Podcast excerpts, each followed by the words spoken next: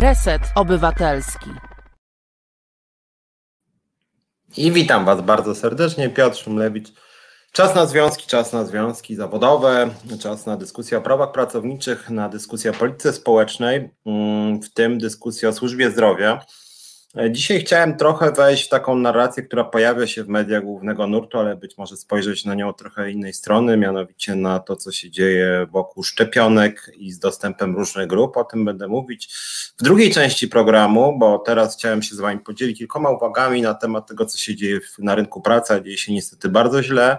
E, później Piotr Figiel e, będzie ze mną rozmawiać o tym, co się dzieje z pracownikami transportu i co się w ogóle z transportem dzieje, czy możecie z tego transportu bezpiecznie korzystać mm, i też czy pracownicy transportu na przykład nie powinni być szczepieni na koronawirusa. E, I później już jak skończę z Piotrkiem rozmawiać, to wtedy bardzo chętnie z Wami porozmawiam na temat całej tej afery celebryckiej, afery z rządem moim zdaniem też, y, jak te szczepienia są dystrybuowane, kto powinien mieć do nich dostęp. Mm, na początku jednak podzielę się z Wami pewną uwagą prywatną mm, i moim oburzeniem. Nie lubię się dzielić e, prywatnym oburzeniem i robić z tego zasady, ale czasem wydaje mi się to jakoś na miejscu i czasem wydaje mi się to reprezentatywne.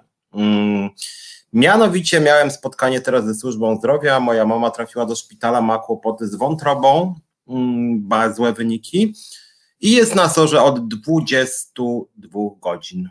22 godzin na sorze, ma leżankę w Szpitalu Bielańskim w Warszawie, leżankę, którą zamienia sobie z inną panią.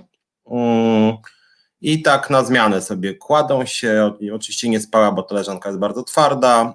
Mm, I czeka, czy będzie miejsce. Miejsca pewnie tej nocy również nie będzie, w związku z tym na przyjęcie do szpitala osoba ze złymi bardzo wskaźnikami wątroby z wskazaniem lekarza, żeby zostać w szpitalu. Osoba ma czekać około 40 godzin na przyjęcie na oddział, żeby móc się spokojnie położyć, tak? E, wokół jest sporo ludzi, e, część z nich pokasuje, w związku z tym można też się po prostu zarazić koronawirusem, bo są badania na koronawirusa, no ale wyniki są za pewien czas, więc sytuacja jest bardzo niekomfortowa i wydaje mi się, że to jest e, problem. Powiedziałem o tym, to jest sprawa jakoś tam prywatna, ale to jest problem, który chyba dotyczy bardzo, bardzo wielu z nas. E, również mój tata był w szpitalu pewien czas temu już w trakcie E, koronawirusa i czekał 4 e, dni, miał test na koronawirusa, wynik wyszedł niejasny, później wyszedł ujemny, ale przeczekał 4 dni, był w miejscu, w którym nawet nie miał ciepłej wody, miał zimną wodę, więc się nie mógł nawet wykąpać w ciepłej wodzie, więc takie mamy warunki dla pacjentów, to jest obraz niestety Polskiej Służby Zdrowia. I to jest moim zdaniem najbardziej przerażające. Tak jak powiedziałem, no wszyscy mówią teraz o tej e, Jandzie i o tym, co się dzieje ze szczepieniami. Sam problem szczepień jest dla mnie naprawdę ważny, więc chciałbym też o tym porozmawiać. Natomiast chciałem się podzielić z Wami takim oburzeniem, że rzeczywiście mało kto e, z obozu rządzącego, no on teraz za to odpowiada, przejmuje się właśnie takimi sytuacjami, że służba zdrowia jest naprawdę w złej kondycji. Jeżeli człowiek osłabiony, starszy e, ma na sorze spędzać dwie doby, bez miejsca nawet do snu bezpiecznego, no to coś tu jest chyba bardzo, bardzo złego. Bożena Breczko pisze, że e, obowiązkowy dochód podstawowy. Znaczy ja staram się wychodzić naprzeciw waszym sugestiom, więc Bożena jest częstą uczestniczką naszych programów i widzką, w związku z tym chętnie porozmawiam o obowiązkowym mm, dochodzie podstawowym. Myślę, że trochę czasu się na to znajdzie, a temat jest e, ważny i ciekawy, więc proponuję, żebyśmy o nim porozmawiali właśnie w tej drugiej części e, programu. Mm, osobiście jestem krytyczny wobec e, dochodu podstawowego, no ale o tym będziemy rozmawiać. Kilka takich, kilka takich uwag na początek może, bo mamy 2021 rok, jednym pierwszy news jest taki, że wzrosła płaca minimalna do 2800 zł brutto, to jest niewiele ponad 2000 zł na rękę. E, coraz więcej osób zarabia w Polsce co najwyżej tą płacę minimalną. Inflacja wynosi już około 3% i to się utrzymuje. Na te towary, e, które są towarami pierwszej potrzeby, wzrost cen jest większy 6-7%, więc Tutaj rzeczywiście sytuacja dla osób biednych jest zła. Tych osób biednych, jak mówię, również biednych pracujących jest coraz y, więcej. E, I mówię o tych 2800 po pierwsze, dlatego że to jest jakiś news. I newsem jest też to, że coraz więcej osób zarabia w Polsce co najwyżej płacę minimalną, ale w kontekście tego, co mówiłem 5 e, minut temu, czy nawet 3 minuty temu, mm, okazało się, że bardzo blisko płacy minimalnej są początkowi nauczyciele i początkowi Lekarze, e, tu sobie wynotowałem, że nauczyciel kontraktowy z tytułem magistra bez przygotowania pedagogicznego lub z licencjatem z przygotowaniem pedagogicznym, z przygotowaniem, przepraszam, pedagogicznym zarobi 2823 zł brutto, czyli 23 zł więcej niż płaca minimalna. E, jak chodzi o lekarzy i lekarzy dentystów odbywających staż, to oni dostają 2900 zł brutto, więc to jest taka początkowa ścieżka dla pracowników szkolnictwa i pracowników służby zdrowia. No jest to dno po prostu, tak? Wynagrodzenia w wysokości mniej więcej 2100 zł miesięcznie to jest jakaś katastrofa po prostu. I to absolutnie w tych strategicznych, e, w tych strategicznych wymiarach to jest rzeczywiście bardzo, bardzo smutne. Bożena Bryczko pisze, że w przeliczeniu na euro ta płaca zmalała. Znaczy ta płaca zmalała w przeliczeniu na euro z tego prostego powodu, że złotówka spadła w stosunku do euro, w związku z tym, w związku z tym okazało się, że ta kwota minimalna w euro liczona jest jeszcze mniejsza niż była, no co oczywiście oznacza, że jeżeli ktoś chce wyjechać za granicę z polską mm, pensją, no to wtedy jest mu jakby jeszcze trudniej niż e, było wcześniej, tak? Znaczy to ma różne to, że jest słaba złotówka, ma różne negatywne, niektóre pozytywne aspekty, natomiast generalnie rzeczywiście, jak chodzi o euro, to płaca minimalna e, spadła, ale niezależnie od tego, no my żyjemy jednak głównie w kraju, ale pamiętajmy o tym, że przede wszystkim jest wysoka inflacja, plus coraz więcej osób zarabia co najwyżej płacę minimalną, w związku z tym jest rzeczywiście bardzo, bardzo słabo. Izak odpisze o bezpośrednim zderzeniu z chorą rzeczywistością polską, a propos chyba tej służby zdrowia, no więc właśnie niestety tak to wygląda, trochę strach teraz chorować i przy całej tej dyskusji o koronawirusie w ogóle przyznam szczerze, że trochę w imieniu swoim, trochę w imieniu bliskich boję się rzeczywiście, żeby nic się nie działo złego z ludźmi, którzy są mi bliscy, bo teraz rzeczywiście trafić do lekarza to jest szok, jak również wiecie dobrze, jeżeli już osoba trafi do szpitala, to nie można jej odwiedzać, w związku z tym nie ma nawet jakiegoś ciepła czy bliskości. No wiadomo, obostrzenia koronawirusowe. E, w tym kontekście, tak na marginesie, mam jeden pomysł do przemyślenia. To piszcie też, co o nim myślicie, e, może w dalszej też części programu, bo dyskusyjna sprawa, ale wpadłem ostatnio na taki pomysł, który chyba specjalnie nie jest praktykowany w większości krajów świata, być może w kilku jest częściowo Mianowicie, czy nie warto byłoby wprowadzić aplikacji, która by pozwalała korzystać osobom mm, zaszczepionym i ozdrowieńcom, który przypomnę, no jest już ich grubo ponad milion, żeby te osoby mogły korzystać e, ze wszystkich dóbr i usług, znaczy ze wszystkich usług przede wszystkim, czyli na przykład z hoteli, e, z basenów, e, z różnych, żeby były otwarte wszystkie sklepy w galeriach handlowych, ale żeby właśnie wstęp miały osoby zaszczepione i osoby właśnie, które przeszły koronawirusa, z restauracji, z kawiarni, tak, żeby wszyscy mogli kupować na wynos, ale żeby osoby, które mają rzeczywiście w aplikacji, tak, że są ozdrowieńcami albo że mają szczepionkę, żeby mogły wchodzić. Temat, pomysł jest oczywiście kontrowersyjny, bo jest to jakaś forma segregacji.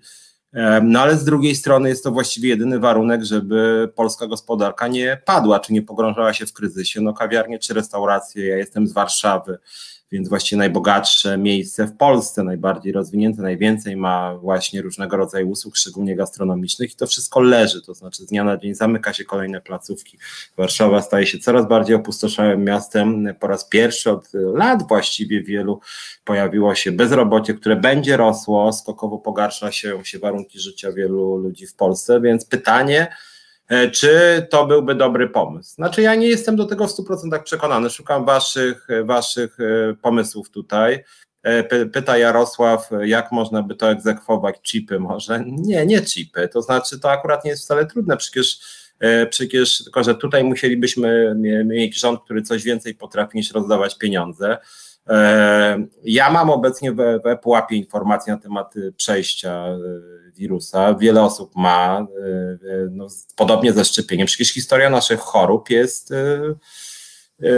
no, jest na naszym koncie, tak? I to akurat można byłoby zrobić aplikację, że wyjmuje komórkę i, i rzeczywiście pokazują i tyle. To znaczy, ja tutaj nie widzę problemu technicznie, to znaczy to jest kwestia aplikacji technicznej, tak, po prostu, której wyciągam komórkę, żeby też chronić moje dane, to nie to, że to się zapisuje trwale, nie wiem, w jakiejś restauracji, tylko po prostu pokazuje, tak, tu jest znaczek, czy jakiś, nie wiem, QR, czy, czy, czy, czy, czy po prostu z ministerstwa wyskakuje informacja, ten pan, pani przeszła e, koronawirusa e, i na przykład w związku z tym, że obecne szacunki mówią, że przeciwciała utrzymują się u osób, które, się, które przeszły koronawirusa, utrzymują się około 8 miesięcy, no to na przykład takie osoby miałyby obowiązek zrobić e, test na obecność przeciwciał, na przykład co półtora miesiąca.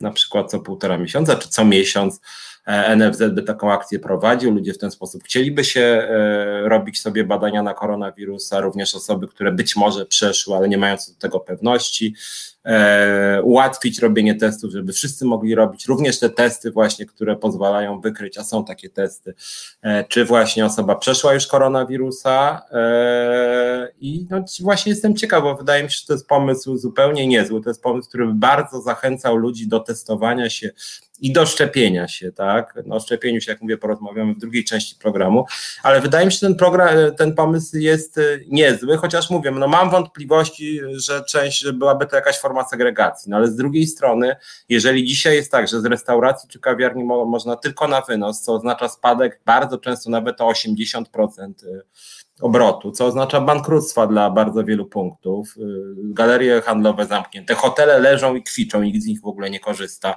a polskie państwo nie jest w stanie wykorzystać tych hoteli, jak chodzi na przykład o miejsca kwarantanny czy leczenia, o tym mówiłem już y, y, kilka tygodni temu, również tu polskie państwo nie potrafi nic z tym zrobić.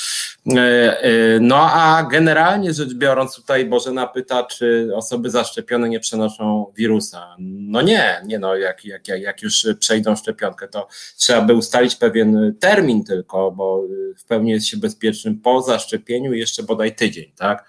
W związku z tym tutaj trzeba by pewne terminy oczywiście określić w porozumieniu z epidemiologami, z lekarzami. Natomiast ja myślę, że, że, że to byłby dobry pomysł, no bo rzeczywiście, jeżeli osoba, która miała koronawirusa miesiąc temu, dwa miesiące temu, cztery miesiące temu, zdaniem e, służby zdrowia na świecie i zdaniem e, po prostu badaczy, którzy się tym zajmują, nie zaraża na 99%, czyli większa nawet pewność niż odnośnie szczepienia, mm, no to w takim razie jaki byłby problem, żeby te osoby wynajmowały hotele, żeby te osoby nawet szły na dyskoteki bez maseczek, żeby te osoby chodziły po wszelkich sklepach, galeriach handlowych? Wydaje mi się, że no to jest jakiś ratunek dla gospodarki, a takich osób, jak mówię, w Polsce Oficjalnie jest ponad milion, a prawdopodobnie realnie przechorowało koronawirusa kilka milionów ludzi, bo te wyniki wyglądają całkowicie nierealistycznie. E, widzimy e, nawet dzisiaj, tak, ile tam było, 14 e, chyba tysięcy nowych zakażeń i ponad 500 ofiar, ponad 500 ofiar, no, czyli strasznie dużo ofiar. Szacuje się, że, że ofiar śmiertelnych koronawirusa to jest mniej więcej 1% tych, którzy zachorowują, a być może nawet mniej. Tymczasem w Polsce ostatnio no 14 500, czyli to jest ponad 3%, tak? Czyli e, jeżeli miał, mielibyśmy liczyć procentowo taką średnią światową, to dzisiaj powinno być 50 tysięcy nowych zakażeń, a nie 14, czyli krótko mówiąc ludzie po prostu się e, nie badają, czy państwo ich nie bada, państwo nie testuje, nie robi żadnych testów przesiewowych, więc jak mówię, rzucam taki pomysł, bo wydaje mi się, że, mm, że to przynajmniej mogłoby uratować część gospodarki i otworzyć częściowo życie społeczne, tak? Bo obecnie to wygląda coraz gorzej. No. Te dane, które publikuje GUS miesiąc o bezrobociu są całkowicie niewiarygodne o tyle, że po prostu nie uwzględniają ludzi, którzy na przykład nie mają e, prawa do zasiłku dla bezrobotnych. Oni się po prostu nie rejestrują i tyle.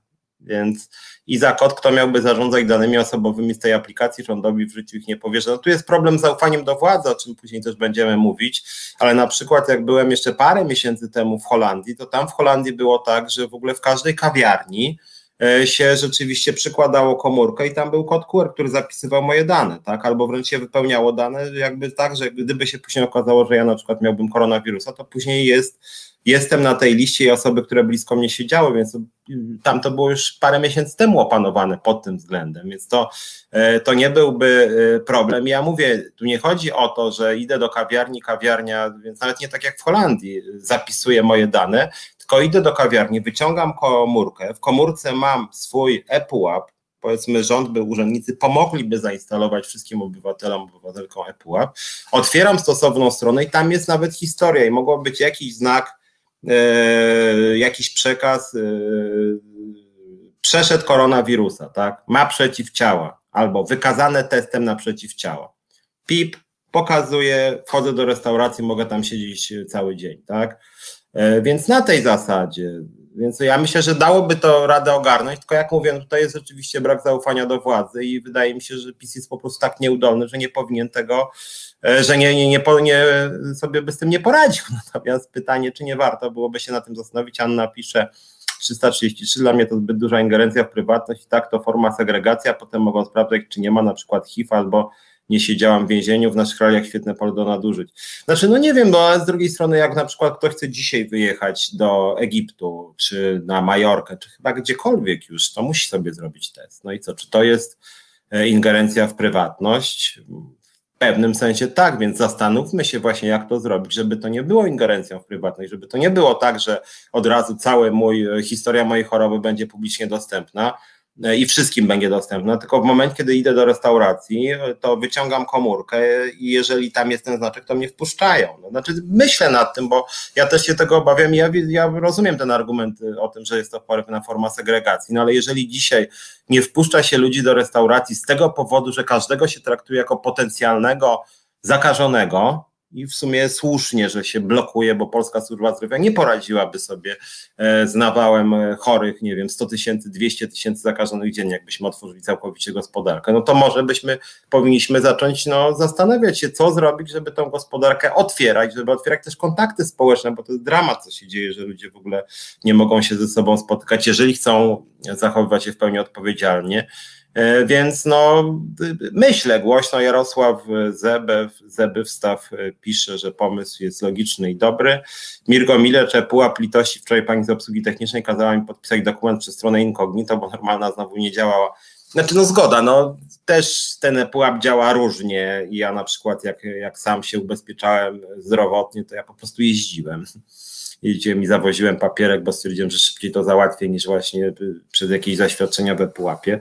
No ale może w takim razie pomyśleć nad, nad jakimś uproszczeniem, żeby jednym kliknięciem po prostu każdy mógł pokazywać właśnie to, czy był zaszczepiony, czy nie. No głośno, głośno myślę, Bożena Breszko, pomysł tak samo dobry jak sprawdzanie osoby przed wejściem do samolotu, czy w ogóle za granicę, w niektórych krajach jest taki obowiązek, więc właśnie o tym E, o tym właśnie mówię. Słuchajcie, e, zróbmy krótką przerwę, więc to wprowadzam e, dla Was temat. To będzie temat, do którego proponuję, żebyśmy wrócili też po tym, jak porozmawiam z Piotrem Figlem o sytuacji w transporcie. Wtedy też rozszerzę o to, co się dzieje systemem szczepień, więc zastanówcie się, jakie jest Wasze zdanie, czy bardziej winien jest rząd, czy winni są celebryci, czy trzeba nawalać bardziej w Jandę, czy trzeba bardziej nawalać w Dworczyka. Nie ukrywam, że dla mnie głównym winnym jednak jest pan Dworczyk i pan Morawiecki, no ale o tym będziemy rozmawiać, a póki co może zróbmy króciutką przerwę, e, a później porozmawiamy o tym, co się dzieje w transporcie, na ile jako pasażerowie możemy czuć się bezpiecznie albo niebezpiecznie, jak się czują pracownicy, czy jest jakiś plan rządu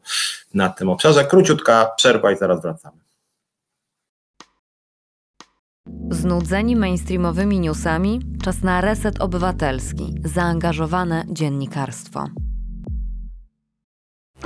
Słuchasz Resetu Obywatelskiego. Piotr Szumlewicz, czas na związki, wracam. Witam Was bardzo serdecznie. Tak jak mówiłem, chciałem teraz porozmawiać z Piotrem Figlem. Piotrze, czy jesteś z nami? Jest Piotr Figiel z nami.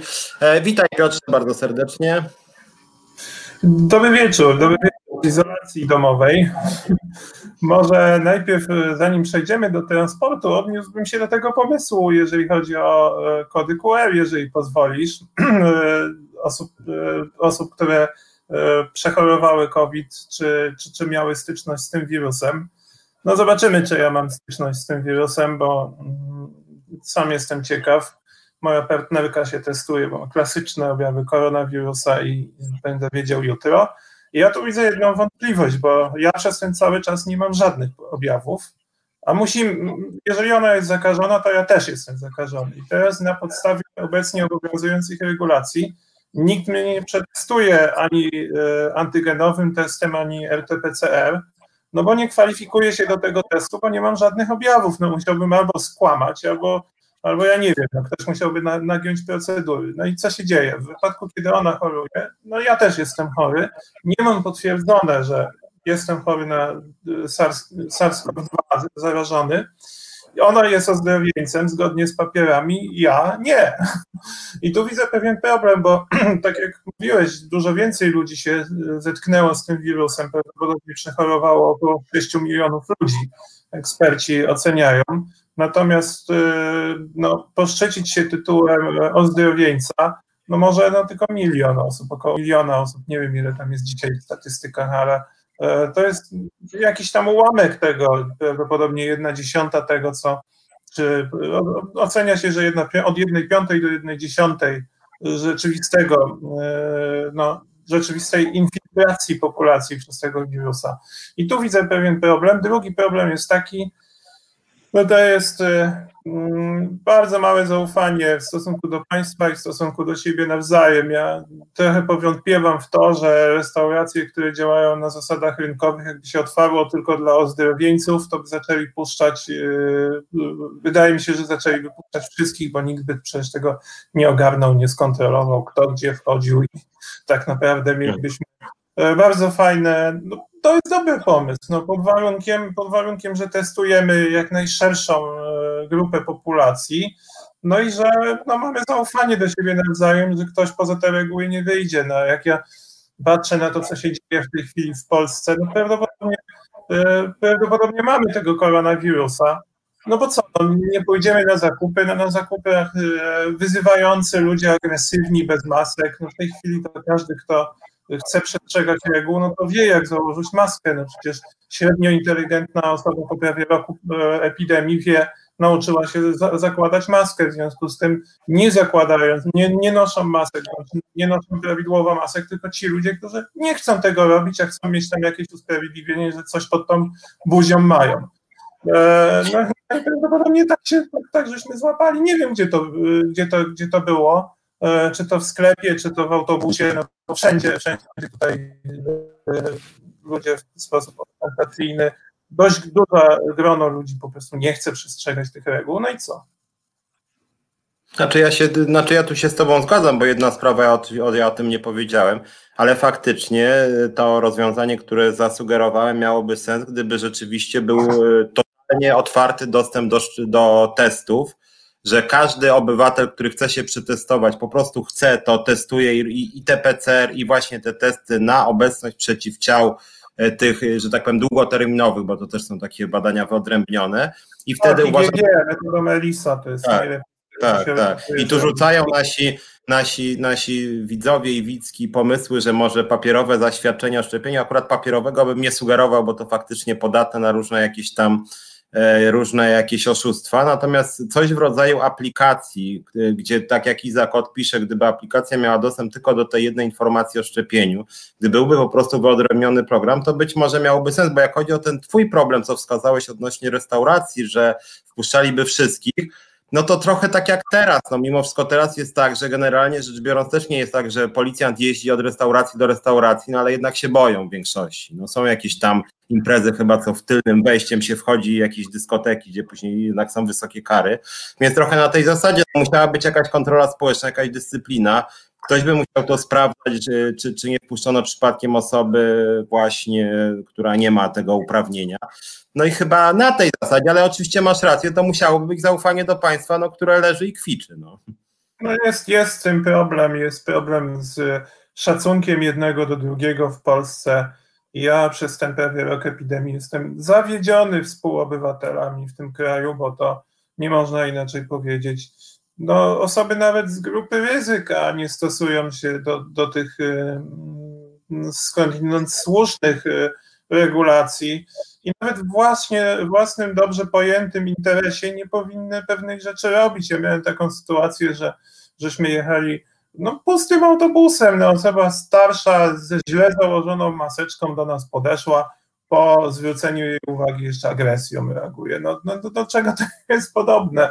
No przecież może siedzieć, nikt jej nie przewiezie dalej niż chce niż chce, bo no, kierowca, kierowca przecież poczeka na to, jeżeli ona będzie chciała wysiąść. Nie, ona musi być pierwsza przy drzwiach yy, i, i, z, tym, i z tym odsłoniętym nosem na nas dmuchać. No to powiedziałem, że może by się jeszcze do nas przytuliła, yy, skoro, skoro tak, yy, tak lubi bliskość w tym złym znaczeniu, bo no to takich rzeczy się nie robi, no ale to jest no, groch o ścian, grochem o ścianę w tej chwili. Już ja widzę, że jest grono osób, które umyślnie, ostentacyjnie, no, z premedytacją pewne rzeczy e, robią. A bo co mi zrobisz? A jak, a, jak, a jak mi coś powiesz, to cię pobiję. Ola ma podobne odczucia co ty, totalny zawód, jeśli idzie o naszych obywateli, pisze nasza e, Wicka. No, no niestety myślę, że wiele osób tak ma, ja też jestem trochę rozczarowany częścią naszych e, rodaków i rodaczek, którzy rzeczywiście e, no lekceważą też po prostu innych i lekceważą ich poczucie bezpieczeństwa, bo to też ma oczywiście taki wpływ, że to poczucie bezpieczeństwa jest bardzo naruszone. E, wróćmy.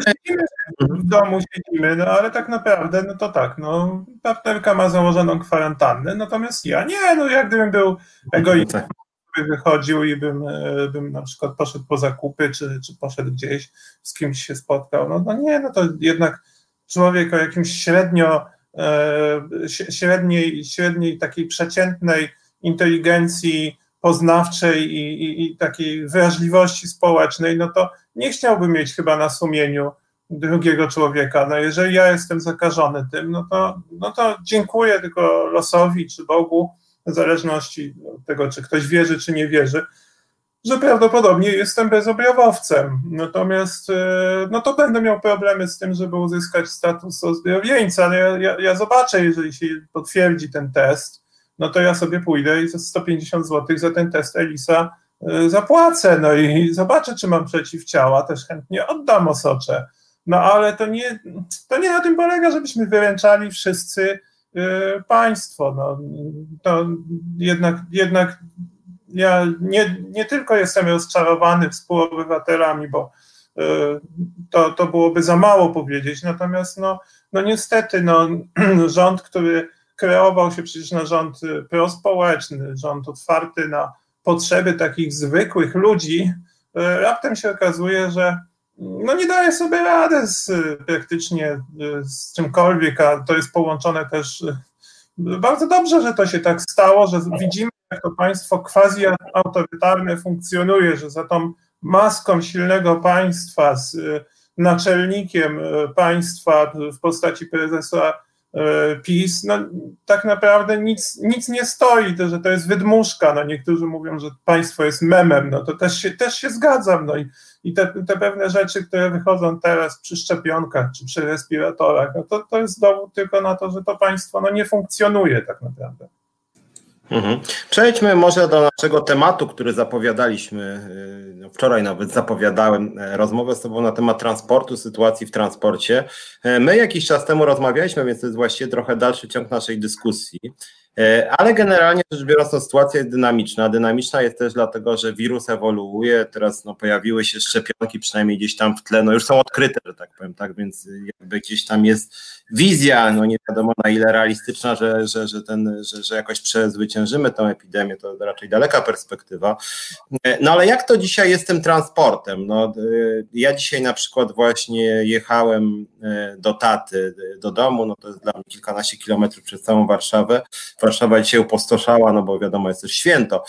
E, ale generalnie jak wygląda sytuacja e, w transporcie? Mam tutaj na myśli tak e, pracowników, jak i pasażerów. Czy, bo jak rozmawialiśmy ostatnio, no już dobrych parę tygodni temu, generalnie Twoja diagnoza nie była zbyt optymistyczna, nazwijmy tak, czy pozytywna. Czy coś tu się poprawiło. Pytam tak o transport kolejowy, jak i autobusowy. Czy masz jakieś takie spostrzeżenia, że, że jest jakaś zmiana na lepsze lub na gorsze? Czy ktoś się w ogóle interesuje tym tematem tak pod kątem praw pracowników transportu, jak i pasażerów?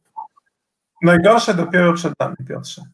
To znaczy, wszystkie y, skutki y, tego, co się dzieje teraz, nie zakończą się wraz z ustaniem czy y, z, z tłamszeniem tej epidemii, ta epidemia się kiedyś skończy. Czy to się skończy w trzecim kwartale tego roku, czy w przyszłym roku, to zależy od nas, od naszych, naszych postaw i od tego, jaka będzie dostępność szczepionek. Natomiast najgorsze jest przed nami.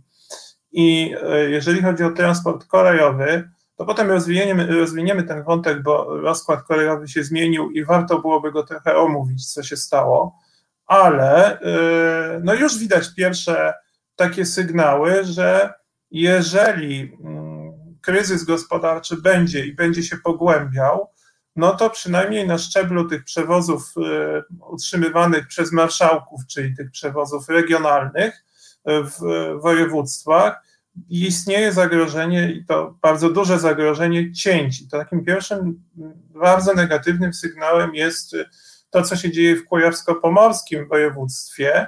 E, no tam zlikwidowano mm, sporo połączeń kolejowych, także na tych głównych liniach.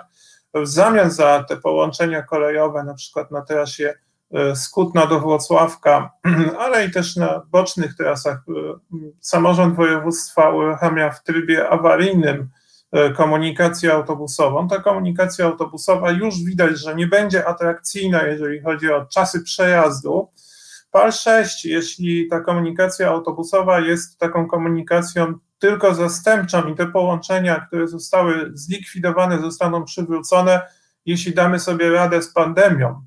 E, ale obawiam się, y, że tutaj motywy marszałka y, Kujawsko-Pomorskiego to jest taki sygnał, y, który przetoczy się przez cały kraj, ponieważ no, tamtejszy samorząd dysponuje, tak jak mówi, oświadcza, że dysponuje dużo mniejszym budżetem na skutek e, tego mm, kryzysu, koronakryzysu, a w związku z tym musi e, ciąć.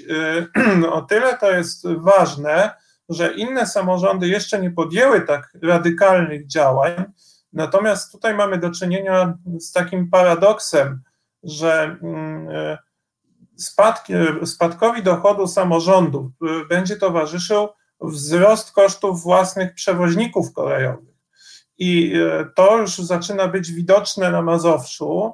No, nie chciałbym być y, złym, złego prorokiem, ale jeżeli no, samorządy, które są zwłaszcza część samorządów jest właścicielami przewoźników kolejowych, nie zobaczą, co się dzieje w tych spółkach, nie zobaczą, nie przejrzą jeszcze raz rozkładów jazdy, jak można byłoby tutaj e, bardziej dostosować e, siatkę połączeń do, zapotrzebowania pasażerów, no, że taki, tak, tego typu nożyce e, się rozerwią i trzeba będzie nimi coś przyciąć. Także obawiam się, że Kujawsko-Pomorskie nie jest pierwsze, znaczy nie jest ostatnie, jest pierwsze, niewątpliwie jest pierwsze, ale nie jest, wydaje mi się, że nie jest ostatnie.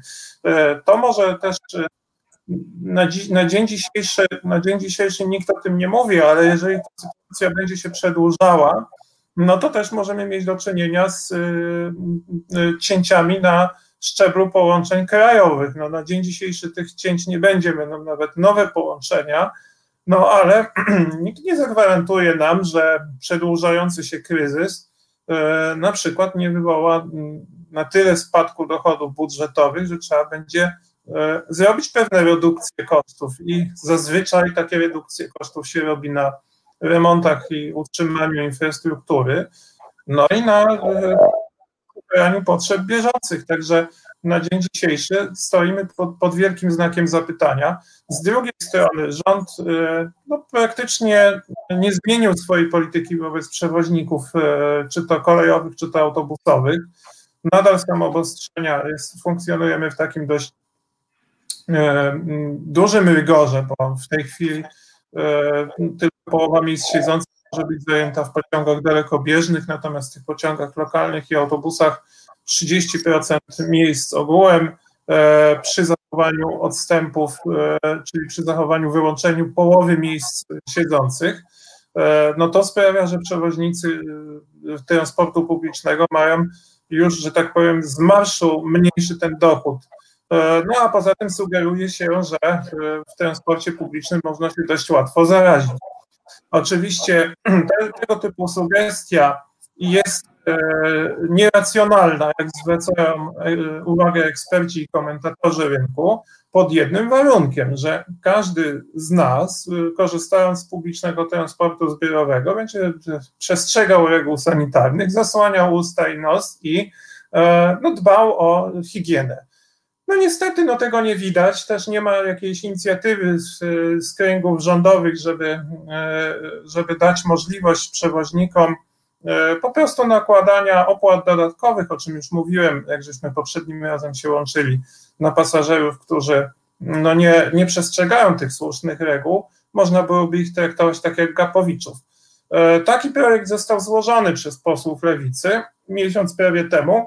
Do dzisiaj nie nadano biegu legislacyjnego temu projektowi. E, do dzisiaj nie ma druku sejmowego ten, ten, ten, ten projekt zmiany prawa przewozowego, bo trzeba prawo przewozowe mówić, to mówiłem już o tym zeszłym razem. E, w związku z tym nie widzę, żeby tutaj była jakaś e, idea czy jakiś pomysł, żeby coś z tym zrobić, ani w, w tym kierunku, żeby zmienić prawo przewozowe i no, obarczać kosztami e, za sianie niebezpieczeństwa czy zagrożenia tych pasażerów, którzy ostentacyjnie nie, nie, nie dostosowują się do obecnych reguł, ani nie ma żadnego innego pomysłu. No co prawda kolejowi przewoźnicy drogowi też będą mieli jakieś tam wsparcie, ale to jest kropla w morzu potrzeb. No tam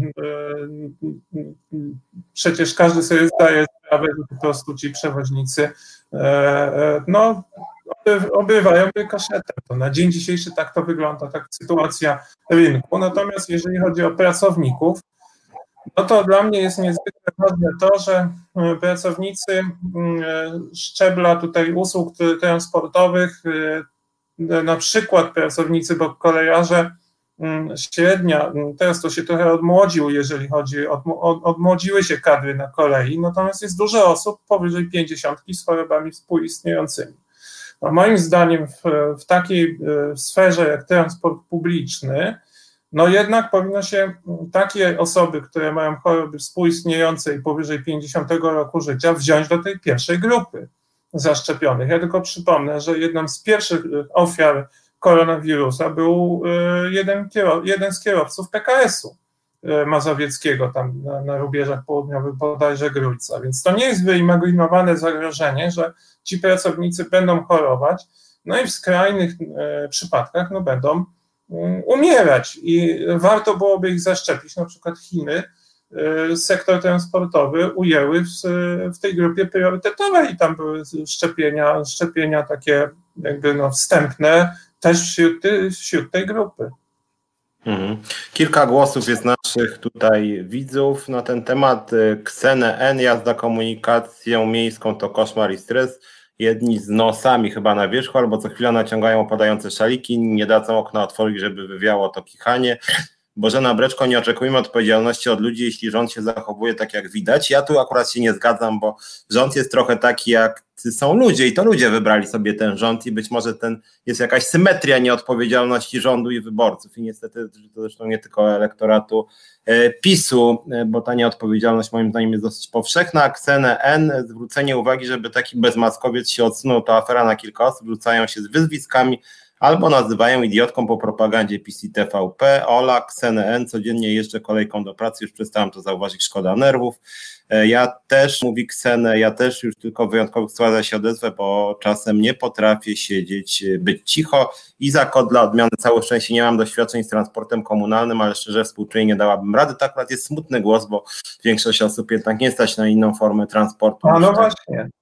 Ale to jest to, co mówię, że ci ludzie, którzy już e, chcą stosować i są odpowiedzialni i odpowiedzialni za siebie, za, za swoich najbliższych, za współobywateli, oni już nauczyli się nosić maski i będą te maski nosić. Natomiast mamy do czynienia z niezwykle agresywną i problematyczną grupą egoistów, którzy no, w sposób ostentacyjny i agresywny reagują na to, że im się zwraca uwagę. I tutaj tylko kary finansowe mogą coś zrobić. Ja mówiłem to e, ministrowi, który jest odpowiedzialny za transport.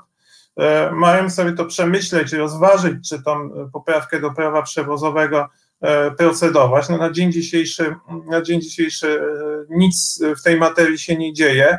Natomiast no, innej sankcji, jak sankcji finansowej wymierzonej przez e, przedstawiciela przewoźnika upoważnionego, czy, czy to kontrolera biletów, czy to konduktora, kierownika pociągów, no to inna, inna, inny mechanizm nie będzie działał.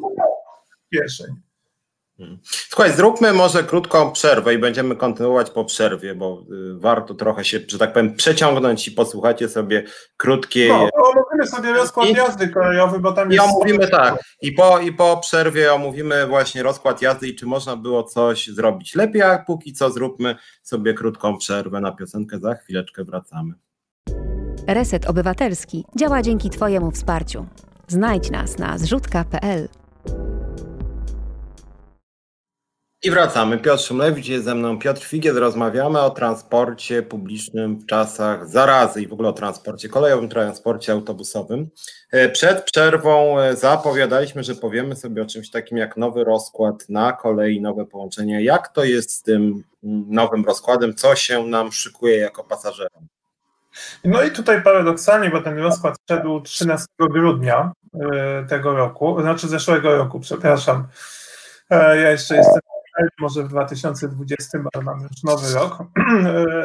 I no, zawiera ten rozkład dużo fajnych nowości. Nie mówiąc już e, o tym, że wreszcie Pendolino będą mogły jeździć e, z większą prędkością niż 160 km na godzinę na trasie do Gdańska, na odcinku Gdańsk-Warszawa, e, co czyni te pociągi użyteczne w zasadzie dopiero teraz, a minęło prawie 7 lat od wprowadzenia tych pociągów do eksploatacji, e, no to po 7 latach uzyskujemy na tej linii jakiś zysk z tych pociągów e, Pendolino, oprócz zysku oczywiście marketingowego. Nadal trwają e, remonty centralnej magistrali kolejowej w zamyśle doprowadzenie do podniesienia prędkości do 250 km na godzinę, co zgodnie z planami zarządcy infrastruktury i Ministerstwa Infrastruktury ma nastąpić, uwaga, pod koniec 2023 roku, e, czyli w takim układzie no wtedy odczujemy znaczącą poprawę, jeżeli chodzi o skrócenie czasu podróży do Krakowa, Katowic, e, Wrocławia i e, Opola. Mm, to jeżeli chodzi o takie pociągi szybkie, jeżeli chodzi o pociągi krajowe, no to e, trasa do Lublina ma teraz w tej chwili większą przepustowość i wróciło tam, e, wróciły pociągi na starej linii do Lublina, linii 7, więc no, jest lepiej. Trasa do Białego Stoku od granicy województwa mazowieckiego do tej chwili do, do łap jest w remoncie, potem do Białego Stoku będzie w remoncie, ten remont będzie postępował. Też w planach jest to przewidziane, że zakończy się w 2023 roku. No nie wiem, jak oni to skończą, pociągów jest mniej. No i tutaj jest dość ciekawa e, rzecz, dlatego że od połowy przyszłego roku PKP Intercity e, połączy Białystok, e, przez, Białystok z Warszawą przez Hajnówkę i Czeremchę, czyli do Hajnówki e, i Czeremchy wrócą pociągi dalekobieżne po ponad 10 latach. E, także dzieje się. Na, na trasie do Poznania wciąż ślimaczy się opóźniony e, remont z Warszawy do Poznania. Warszawa, znaczy Poznań-Szczecin dalej w remoncie. Trasa Wrocław-Poznań, zwiększenie przepustowości skrócenie czasu przejazdu. E, trasa Kraków, e, Katowice. E, wreszcie po ponad 10 latach zakończył się główny etap, główna faza remontów i pociągi mogą konkurować z transportem drogowym, a w odpowiedzi na to transport drogowy zrobił kampanię olej kolej. Także tutaj mimo tych ciężkich warunków są jakieś, są jakieś symptomy poprawy, skłamałbym, gdybym powiedział, że, że, że nie, nie idzie to do przodu.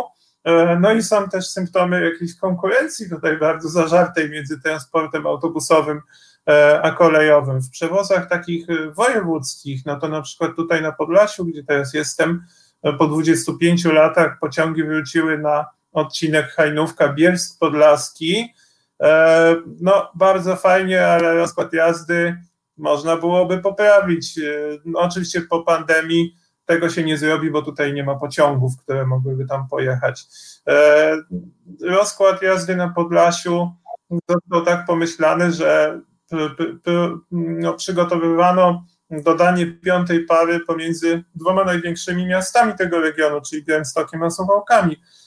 Ten pociąg miał docelowo jeździć na, do Kowna. No i uwaga, ponieważ Litwa zamknęła możliwość poruszania się pociągami pomiędzy Polską, e, na granicy z Polską, no to zamiast e, doprowadzić ten pociąg do Suwałk, zlikwidowali całkowicie, zawiesili ten pociąg przynajmniej do końca stycznia, a więc ludzie nie mają, e, nie mają połączenia, na które już czekali ponad 4 lata, czyli popołudniowego szczytowego pociągu do Suwak z Białego Stoku. Dalej jest pewna rzecz, którą muszę się pochwalić. Otóż udało się po 11 latach pociągi wróciły na odcinek Małkinia Szulborze Wielkie, tutaj koleje mazowieckie. Pamiętasz, jak żeśmy rozmawiali o tym kiedyś, kiedyś, kiedyś, o tych połączeniach. E, tam była ostra przepychanka z samorządem Mazowsza, który próbował udowodnić, że się nie da. Przewoźnik też próbował udowodnić, że się nie da. Oczywiście się dało, no ale dobrze, już spójrzmy na to za, zasłonę milczenia. E, udało się, pociągi pojechały po 11 latach, no ale rozkład jazdy wymaga generalnej e, korekty. Dlatego na sześć połączeń, które są przewidziane, dwa połączenia tylko jadą bezpośrednio do Warszawy, a reszta to pociągi z przesiadką, więc e, bardzo często jest tak, że te pociągi stoją dłużej na, na tej stacji, jest dłuższy czas oczekiwania na, na pociąg jadący do Warszawy, a więc z tych trzech miejscowości, które były do tej pory pozbawione połączeń kolejowych, łatwiej jest się wydostać samochodem, jest po prostu szybciej podjechać do tej Małkini i przesiąść się do pociągu niż korzystać z kolei. To takie paradoksy nasze polskie kolejowe. E, ciekawe też jest to, co się dzieje w Łódzkiem. E, tam na granicy łódzkiego i mazowieckiego też e, pomiędzy Tomaszowem Mazowieckim, Drzewnicą i Drzewicą i Radomiem no, uruchomiono połączenie styczne, czyli da się przesiąść w Drzewicy na, na pociągi zarówno w kierunku Tomaszowa Łodzi, E, jak i dojechać z pociągów e, z Łodzi, przesiąść się na pociągi do Radomia, czego, co nie było też możliwe. Też chyba tam to 10 lat trwało e, ten cały, ten cały, to całe wykluczenie transportowe na tamtym odcinku. No, są pewne negatywne rzeczy, bo na przykład zniknęły pociągi Polregio z Łodzi do Wrocławia przez Ostrów Wielkopolski.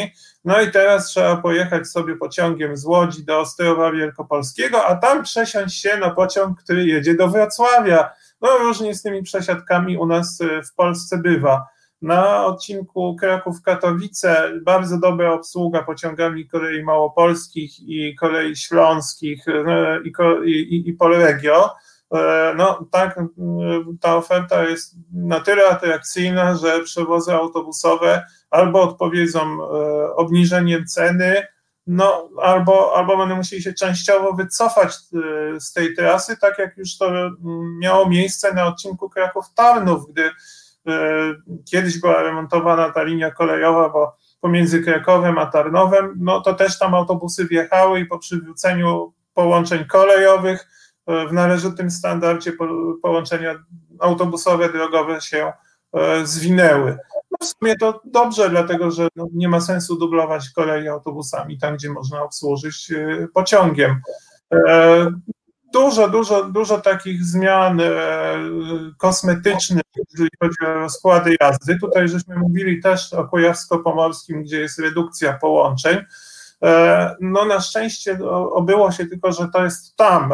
Natomiast no, czekam, czekam na jakieś e, czekam na jakieś plany cięć, które obawiam się, że nastąpią. Te, te, te plany ujrzą światło dzienne no, pod koniec tego roku. Także dużo się dzieje, nie, nie tylko złego, e, dużo zmian na tej kolei od grudnia jest. Mhm. Tu są e, pieniarz polski przy trasa Czeremcha Białystok 80 km, bite 3 godziny niezapomniane podróże. E, Iza to Kot... było, to było, teraz się szybciej jedzie, Piotrze. No. Iza Kot, PKP rozgrabione córki spółeczki miało szans na przeżycie. E, Kosmaty WIT, przewóz ciężkich ładunków koleją nie może równać się drogowym. Jak wygląda łączony transport kolejowo-drogowy? I jeszcze Bożena Breczko, najwyższa pora wskrzesić połączenia kolejowe, chyba torowiska ciągle istnieją, a może poszły na złom. Mm, więc mamy kilka głosów od naszych e, widzów. Właśnie jak to jest, bo ja nawet e, nigdy się temu nie przyglądałem. Jak jest z tym e, łączeniem transportu kolejowego i drogowego? To ma jakiś systemowy charakter, czy raczej jeżeli już coś jedzie koleją, to jedzie koleją? Nie, nie zawsze tak. Jest, jest, jest transport intermodalny z terminalami prze, przeładunkowymi ten transport sukcesywnie zwiększa swój udział w, w ogóle w, w ogólnej masie przewozów towarowych. i coraz, coraz więcej spedytorów czy przewoźników decyduje się na transport właśnie intermodalny mieszany, gdzie do pewnego miejsca dowozi się transportem drogowym kontener, a potem się przeładowuje to na jakąś specjalną platformę, e, na platformę kolejową, no i jedzie się takim, e, takim pociągiem no, szczepionym z wagonów z kontenerami e, punktu A do punktu B, gdzie jest przeładunek i też część tych kontenerów znowu idzie na, na ciężarówki i, i, i, i jest dowożona do miejsca docelowego. Także e, no, ten transport w Polsce się rozwija, ten model. Nie, nie możemy powiedzieć, że, e, że to stoi w miejscu. Mhm. To jeszcze chciałem takie ogólne pytanie Ci zadać. E, jaka Twoim zdaniem jest przyszłość? Przyszłość połączeń autobusowych, przyszłość połączeń kolejowych? Jakie widzisz szanse na powrót do normalnego życia w miarę szybko? Znaczy w Polsce ta normalność transportu też nie jest taka do końca normalna.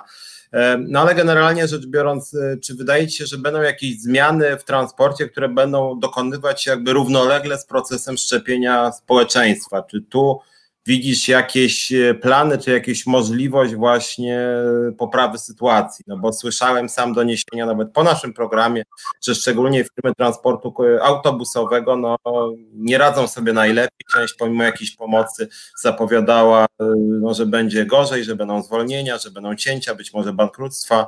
E, więc jakie Twoim zdaniem są tutaj perspektywy i czy rząd ma też jakiś pomysł na taką skoordynowaną koordynowany rozwój e, właśnie transportu kolejowego i autobusowego. No i właśnie tutaj do, do pewnego takiego dysonansu, że może nawet lepiej jest na tej kolei, a na razie przynajmniej. Natomiast jeżeli chodzi o autobusy, no to e, moim zdaniem to rząd potraktował to po macoszemu, no bo to zostało, że tak powiem, rzucone na pastwę rynku jeśli mamy taki czynnik jak pandemia, który ogranicza funkcjonowanie rynku, e, wolnego rynku przewozów autobusowych, e, no bo tych pasażerów jest mniej, e, no to siłą rzeczy coś, co nie działało już dobrze przed rozpoczęciem tego, tej, tej, początkiem tej epidemii, no to nie będzie działało dobrze teraz i prawdopodobnie tutaj w przewozach autobusowych odczujemy chyba największe straty, jeżeli, jeżeli chodzi o bilans y, pandemii. Y, to się wiąże z tym, że rząd tak naprawdę, ten, ten, ten rząd Zjednoczonej Prawicy od 2016 roku próbował zmienić ustawę o publicznym transporcie zbiorowym i do dzisiaj ta ustawa nie jest zmieniona. No i zamiast tego, y, zamiast zmiany prawa transportowego i troszeczkę przemeblowania tego rynku, to znaczy, żeby mm, lepiej by było, gdyby to jednostki samorządu terytorialnego e, pewne obowiązki musiały wykonywać, jeżeli chodzi o organizację transportu, planowanie takich linii, finansowanie, e, czyli żeby ten, ta konkurencja była zachowana nie jako rywalizacja na e, wolnym rynku, czyli autobus podjeżdża jeden drugiego i zabiera mu pasażerów, tylko firmy przewozowe no, rywalizowały o zlecenia samorządów tak jak to jest w Warszawie zresztą w komunikacji miejskiej. Tego, tego nie zrobiono e, i, i nie ma się, no, do dzisiaj nie ma pomysłu, jak to zrobić. Mm, e, były, było 11 projektów, każdy z nich e, w jednym miejscu lepszy, w drugim miejscu gorszy. No i w pewnym momencie, nie wiem, to pamiętasz na pewno przed tymi wyborami w 2018 roku samorządowymi, chyba to było, albo już przed wyborami parlamentarnym, już tego dobrze nie pomnę, e, no, Jarosław Kaczyński e, wyskoczył z pomysłem, że przywrócimy, odbudujemy transport autobusowy. No i ponieważ rząd nie potrafił przygotować kompleksowego projektu nowelizacji ustawy o publicznym transporcie zbiorowym, no to zrobili oczywiście nową ustawę, która jest łatą na ten system, który jest niedoskonały, a teraz jeszcze na tą łatę naszyli E, łatę w postaci ustaw e, covidowych, tarcz, e, tarcz kryzysowych, także mamy kompletny bałagan. No, jedno, co rząd powinien zrobić teraz, to powinien, powinien siąść w tym ministerstwie i wreszcie zrobić porządny projekt zmiany ustawy o publicznym transporcie zbiorowym, e, wraz ze zmianą strukturalną organizacji transportu i organizacji rynku mm, przewozów autobusowych. E, jeśli tego nie zrobią, no to przypuszczam, że to, to już teraz widać. No, są ograniczenia dość mocne w siatce połączeń autobusowych i to, to zostanie. No, to, to, to zostanie z nami, bo to, to się tak łatwo nie, nie odbuduje. E, natomiast no, jeżeli chodzi o kolej, no to tutaj kolej ma lepszą pozycję, tak jak już e, mówiłem. Ten system kolejowy, organizacja transportu kolejowego, ona też jest dość ułomna, ale tu samorządy jeszcze mają pieniądze, samorządy wojewódzkie na to, żeby to utrzymać. No tutaj z budżetu państwa też na razie pieniądze idą. No, do kiedy to będzie, do kiedy to tak będzie wyglądało? Ja nie potrafię tego powiedzieć. Tak jak też już wspominałem, województwo kujawsko-pomorskie, obawiam się, że to nie będzie pierwszy sygnał, że przyjdzie no, taka pora cięć. E, także na pewno wraz z końcem epidemii nie skończą się problemy transportu zbiorowego. Należy spodziewać się, że e, w ramach, jak będzie ta epidemia wygasała, te obostrzenia znoszone, no ale to też niewiele da nam w, przewozach autobusowych. W przewozach kolejowych to, to tak, no, w przewozach kolejowych, bo te pociągi jeszcze jeżdżą, to ludzie, ludzie wrócą. No ale działania teraz tak naprawdę. Dobra, no to generalnie jesteśmy w punkcie powiedzmy cały czas jakiegoś przejścia, może pójść ku dobremu, ale nie za wiele niestety na to wskazuje. E, pewne zmiany pozytywne są, ale niestety za dużo ich nie ma. Więc zróbmy tak. Myślę, że gdzieś za miesiąc się znowu spotkamy i porozmawiamy, czy, czy coś dobrego się zdarzyło. Zobaczymy też. No to jest właśnie bardzo ciekawe, bo y, ciekaw jestem, jak będzie przebiegał ten proces szczepień, bo on jest zależny od dwóch zmiennych. Wydolnością tego, y, od wydolności systemu y, szczepień przyjętego w, w kraju, czyli przepustowości tych punktów szczepień i mechanizmu całego procesu logistyki, na który już te, w tej chwili się narzeka, no i procesu dostaw tych szczepionek, więc ja nie wiem, no teraz jest taki kalkulator, kalkulator, widziałem, nawet bawiłem się tym takim kalkulatorem, sprawdź, kiedy będziesz zaszczepiony. W mojej grupie wiekowej wyszło, że mam szansę być zaszczepiony koło września.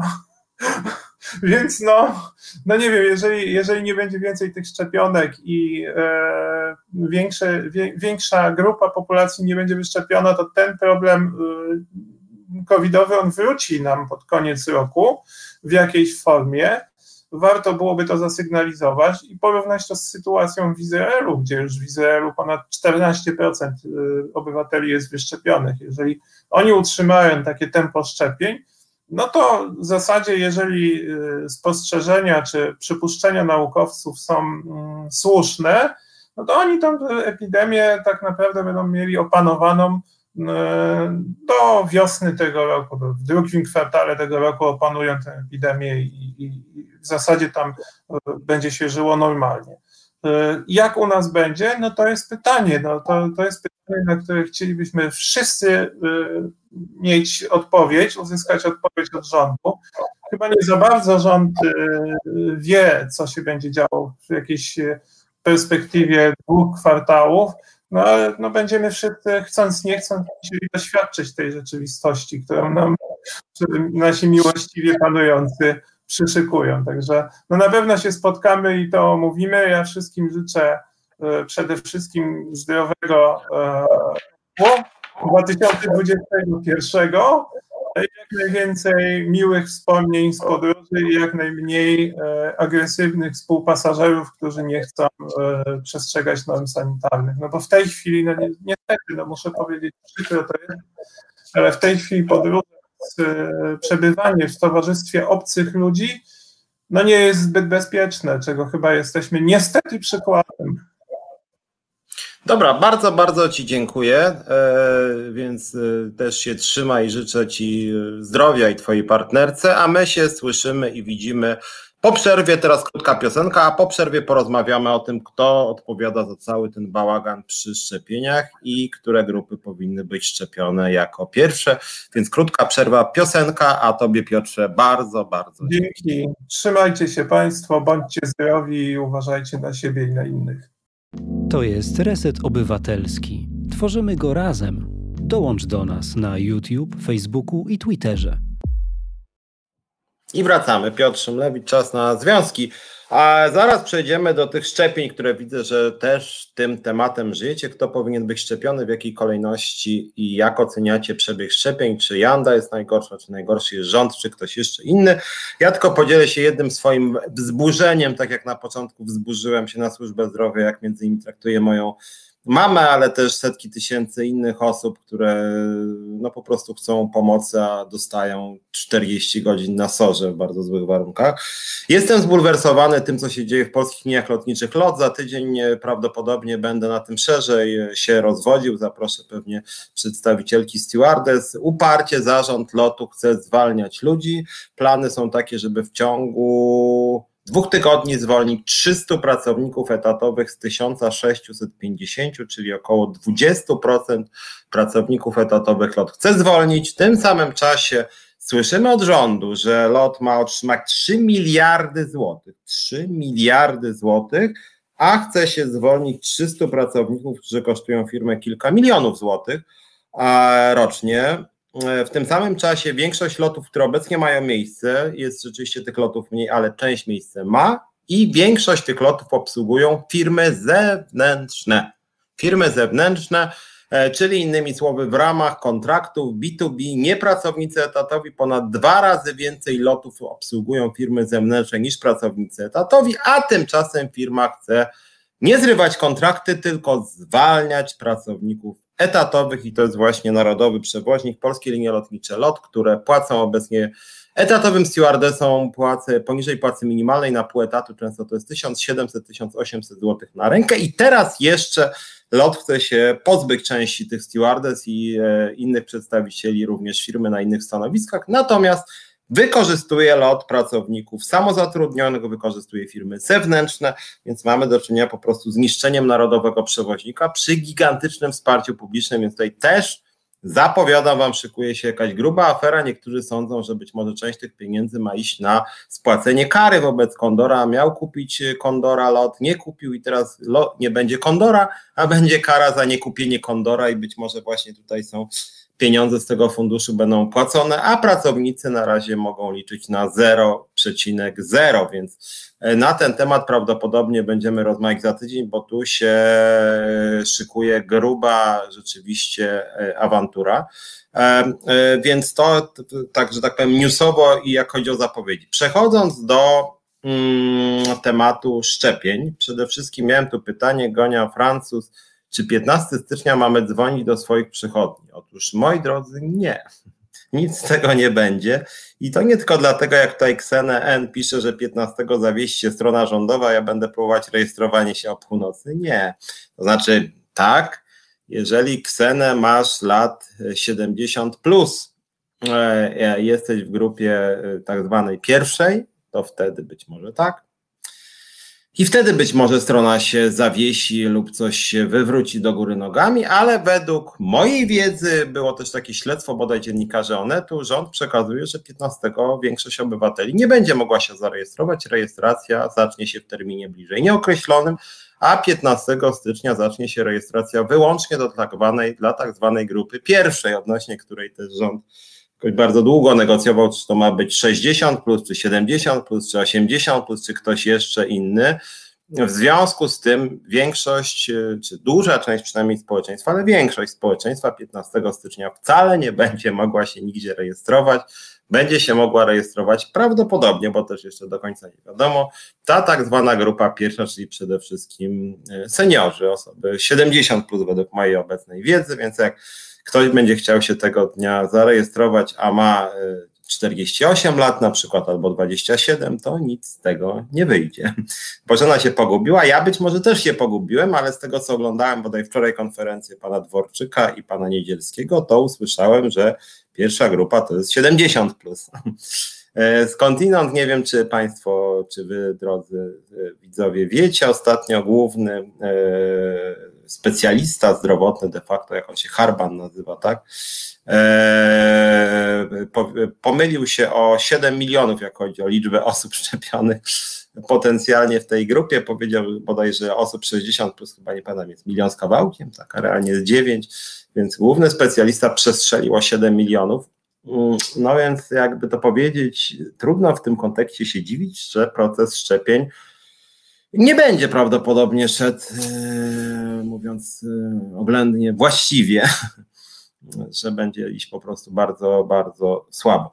Natomiast przechodząc do tego, co się w ostatnich e, tygodniach działo, jak, wie, jak wiemy wszyscy, mamy wielką, wielką aferę. E, chodzi o szczepienia celebrytów i teraz pytanie, co na ten temat sądzić. Muszę powiedzieć, że z kilkoma nawet swoimi znajomymi się trochę pospierałem, bo jest, mam wrażenie, jakieś takie wsparcie dla populizmu, który ja osobiście nie lubię, nie po to studiowałem. Uczyłem się wiele lat, żeby się na siłę ogłupiać później i udawać, że nie mam wiedzy, którą mam. Przede wszystkim, zanim e, jakby sformułuję swoją ocenę, e, to powiem tak. Czytałem Narodowy Program Szczepień. Mm, i Narodowy Program Szczepień. On nie jest długi, więc jeżeli ktoś ma chwilę, to zachęcam do przeczytania. W, niej, w nim jest zapisane, kto odpowiada za proces szczepień, kto odpowiada konkretnie. Za proces szczepień odpowiada przede wszystkim Ministerstwo Zdrowia. Kancelaria Prezesa Rady Ministrów za dystrybucję szczepionek odpowiada Agencja Rezerw Materiałowych, która jest agendą rządową, co ciekawe, obecnie podporządkowaną bezpośrednio pod Ministerstwo Klimatu i Środowiska, ale też E, zlecenia jej wydaje Ministerstwo Aktywów Państwowych, więc pan Sasin. I to są podmioty, które w pełni, powtarzam, w pełni odpowiadają za proces szczepień w 100%, więc jeżeli są nieprawidłowości, to za nieprawidłowości odpowiada rząd Rzeczpospolitej Polskiej, nie Krystyna Janda, e, nie jakiś tam e, Warszawski Uniwersytet Medyczny, tylko rząd odpowiada. I rząd wydaje jasne dyrektywy, E, w narodowej tej strategii, o której wspominałem, jest zapisane, jak to ma wyglądać, jest podział na grupy, nie ma tam żadnych wyodrębnionych ambasadorów, w związku z tym, jeżeli ktokolwiek takich ambasadorów czy jakichś celebrytów wyróżnia, to jest to niezgodne z programem, który sam rząd przyjął. E, procedura szczepienia się, procedura szczepienia się ma być w ten sposób, e, w ten sposób przeprowadzana, że każdy z nas jest w systemie elektronicznym i dostaje powiadomienie, że ma przyjść na szczepienie, powiadomienie w systemie elektronicznym. W związku z tym, zgodnie z zasadami, które rząd sam sobie wyznaczył, nie jest możliwe, podkreślam, nie jest możliwe, żeby ktokolwiek, chyba że z pistoletem w ręku, e, mógł się zaszczepić. Według mojej wiedzy, Żaden z tych celebrytów, ani nawet ze starostów PiSu również zaszczepionych z pistoletem w ręku się nie zaszczepił. W związku z tym wszystkie te e, osoby, które się zaszczepiły, zaszczepiły się w sprzeczności z tym, co sobie rząd sam postanowił. E, zarazem też rząd sam za te szczepienia odpowiada. W związku z tym rząd sam złamał reguły, których, które są na siebie nałożył. Ale Poczytałem trochę różnych deklaracji, e, deklaracji różnych ważnych, odpowiedzialnych ludzi, ważnych i odpowiedzialnych z perspektywy właśnie szczepień i Narodowego Programu Szczepień. I oto 23 grudnia mm, ubiegłego roku, czyli już dwa tygodnie temu ponad, minister Michał Dworczyk, który jest jedną z głównych osób odpowiedzialnych za proces szczepień, w oficjalnym komunikacie powiedział, że koledzy, którzy zajmują się komunikacją, mają już podpisane umowy z celebrytami czy aktorami odnośnie właśnie szczepień. Powtarzam, Michał Dworczyk mówi, że koledzy, którzy zajmują się komunikacją, mają podpisane umowy z celebrytami czy aktorami. Czyli była już jakaś lista osób do zaszczepienia, które to osoby miały brać udział w kampanii i w tych szczepieniach poza kolejką i to był głos pana ministra Dworczyka. Ja od kilku dni staram się uzyskać informacje mm, na temat listy Dworczyka i któż na tej liście był i na jakich zasadach w ogóle pan Michał Dworczyk został uprawniony, czy sam się uprawnił do tego, żeby wskazywać jakieś osoby, e, które miałyby się szczepić e, poza kolejką. E, ten sam Dworczyk, później co ciekawe, już w czasie, kiedy był cały spór, 1 stycznia w imieniu premiera na oficjalnym profilu twitterowym hmm, Kancelarii Prezesa Rady Ministrów mówi o zgodzie, że Kancelaria Prezesa Rady Ministrów wraz z Ministerstwem Zdrowia daje zgodę na elastyczne podejście w kwalifikowaniu do szczepień do 6 stycznia 2021 roku. Elastyczne podejście, czyli żeby mogły się szczepić osoby spoza tak zwanej grupy zero, czyli krótko mówiąc, pan minister Dworczyk w imieniu pana premiera dał zielone światło, żeby już na starcie rozwalić narodowy program szczepień i po prostu wprowadzić od niego wyjątki. Swoje trzy grosze do sprawy dorzucił e, Narodowy Fundusz Zdrowia w stanowisku z 29 grudnia 2020 roku. NFZ informuje, odpowiadając na apel Naczelnej Izby Lekarskiej o jak najefektywniejsze wykorzystanie szczepionek dostarczonych do szpitali w okresie świąteczno-noworocznym do 6 stycznia, oprócz szczepienia pracowników szpitali, dopuszczalne jest także szczepienie członków ich rodzin, członków ich rodzin oraz pacjentów, którzy w tym czasie przebywają w szpitalu, a których stan zdrowia na to pozwala.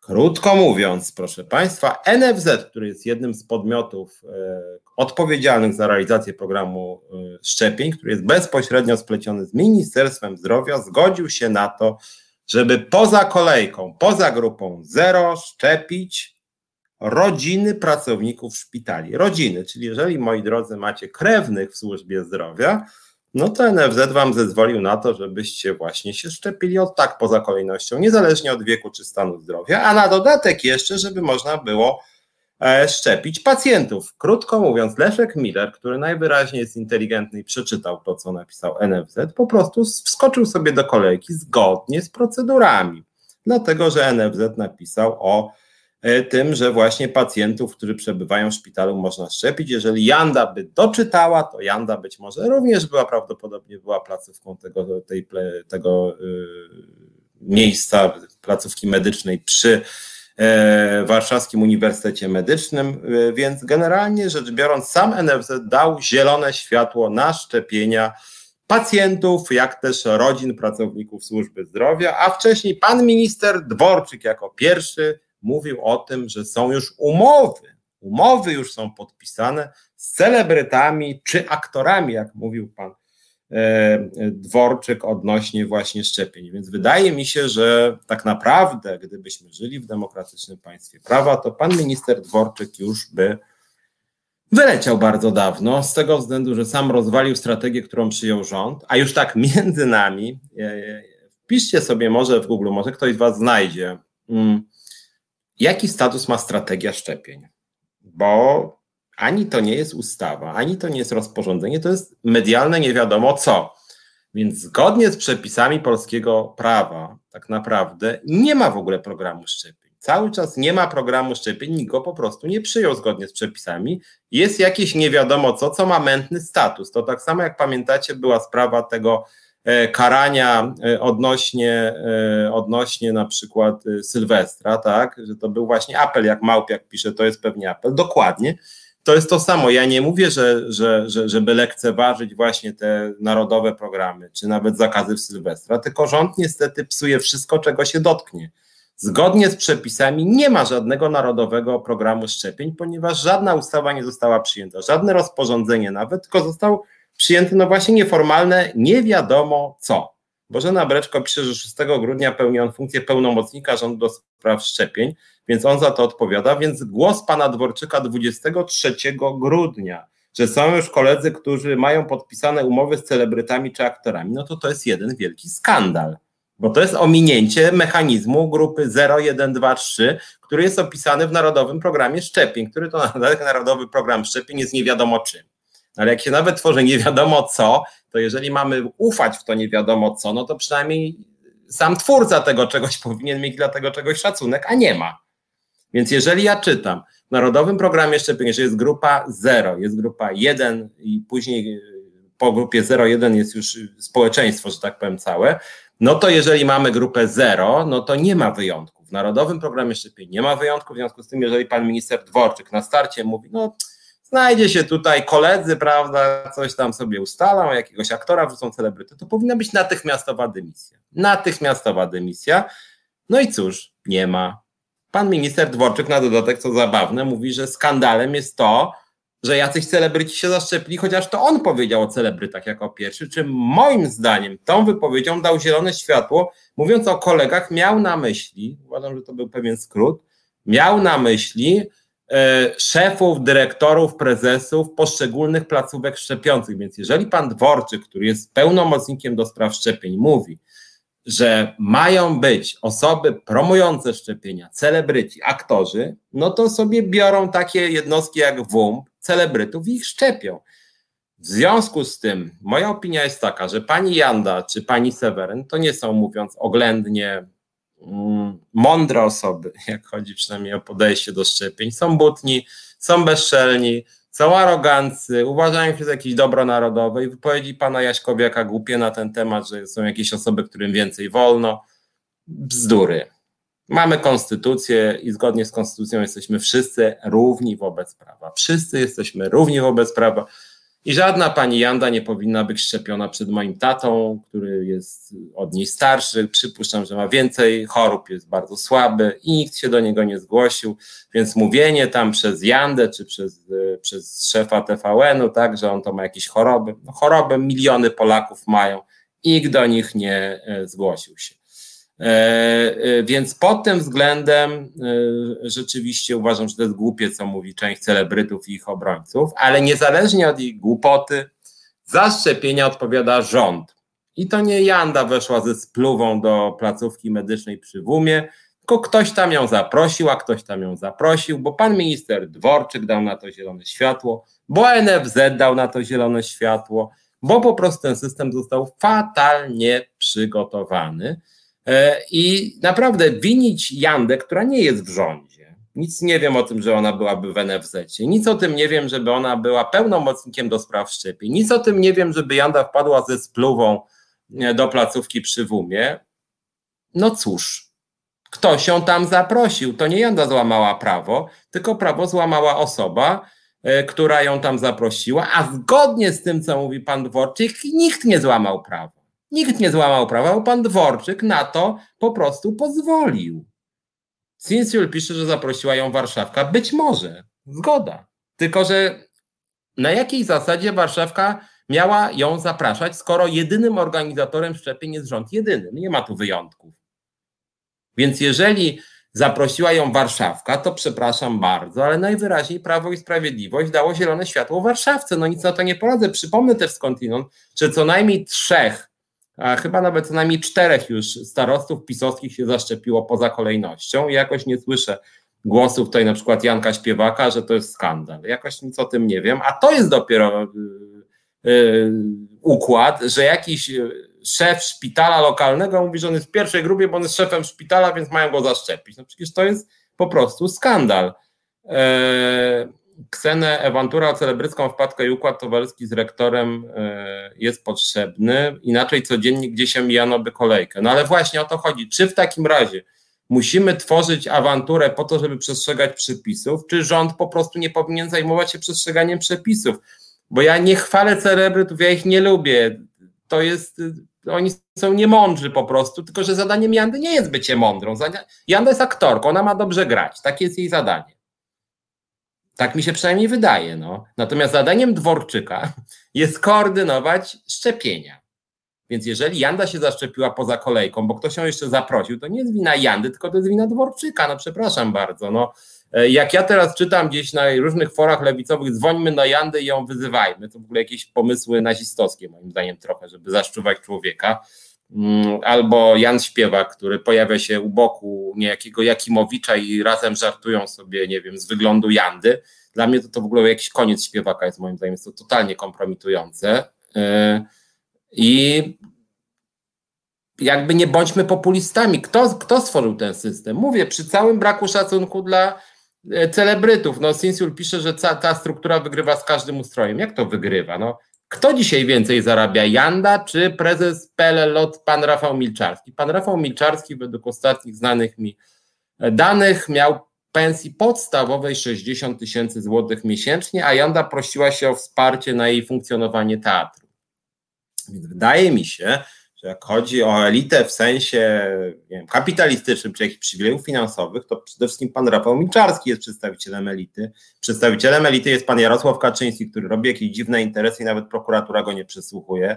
Przedstawicielem elity jest jakiś pan od respiratorów, który, który bierze sobie jakieś dziesiątki milionów respiratorów, nie ma, nikt za to w ogóle nie odpowiada, a minister odpowiedzialny nie ma nawet sprawy w, w prokuraturze. I to jest chyba elita, a nie, że elitą jest grupa aktorów, która została zaszczepiona, bo szef pewnej placówki medycznej do nich zadzwonił i zgodnie z dyrektywą rządu pana Dworczyka zaproszono celebrytów. Powtarzam. E, minister Dworczyk 23 grudnia. Wiem, że koledzy, którzy zajmują się komunikacją, mają już podpisane umowy z celebrytami. To powiedział Dworczyk, a nie Janda czy tam Miszczuk. Dworczyk dał zielone światło w ten sposób, więc więc przyznam szczerze, że tego trochę nie rozumiem. Gonia Franc, ktoś usłyszał odpowiedź, czy Kaczyński się zaszczepił? Nie, jeżeli Kaczyński się zaszczepił, to nikt się o tym nie dowie. Bożena Breczko pyta, kogo naokreślasz Warszawką? Nie cierpię tego słowa. No ja też nie. Znaczy ja w ogóle muszę tutaj też wam powiedzieć, bo wy nie, nie znacie tak dobrze różnych e, lewicowych baniek, jak ja e, znam. Otóż w tych bańkach jest bardzo dużo absolwentów filozofii, którzy dobrze znają języki, którzy czytają spekulatywne, filozoficzne teksty i oni walczą z elitą. Walczą z reżyserami, walczą z filozofami, z dziennikarzami lewicowymi i to jest dla nich elita, krótko mówiąc, walczą sami ze sobą, tak? A nie jest dla nich elitą pan prezes Milczarski, jakieś elity, właśnie elity biznesowe w spółkach węglowych czy w kopalniach, E, czy różni koledzy, e, właśnie to, co Sinsiu pisze, układ znajomości i powiązań towarzyskich, dokładnie, czyli na przykład rodzina, nie wiem, e, Ziobry, czyli pan Kaczyński, jego znajomi, czyli pan Sasin, czyli cały układ powiązań, nie wiem, był w portach lotniczych swego czasu, co mnie pozwał na milion złotych, czyli w górnictwie sieć układów, gdzie się zarabia dziesiątki tysięcy złotych miesięcznie, tak, czyli cała sieć powiązań, na czele których stoi pan premier, e, chciałem powiedzieć premier Kaczyński, ale właściwie tak. I to jest sieć znajomości, więc, więc ja tutaj naprawdę uważam, że trzeba zachowywać skalę.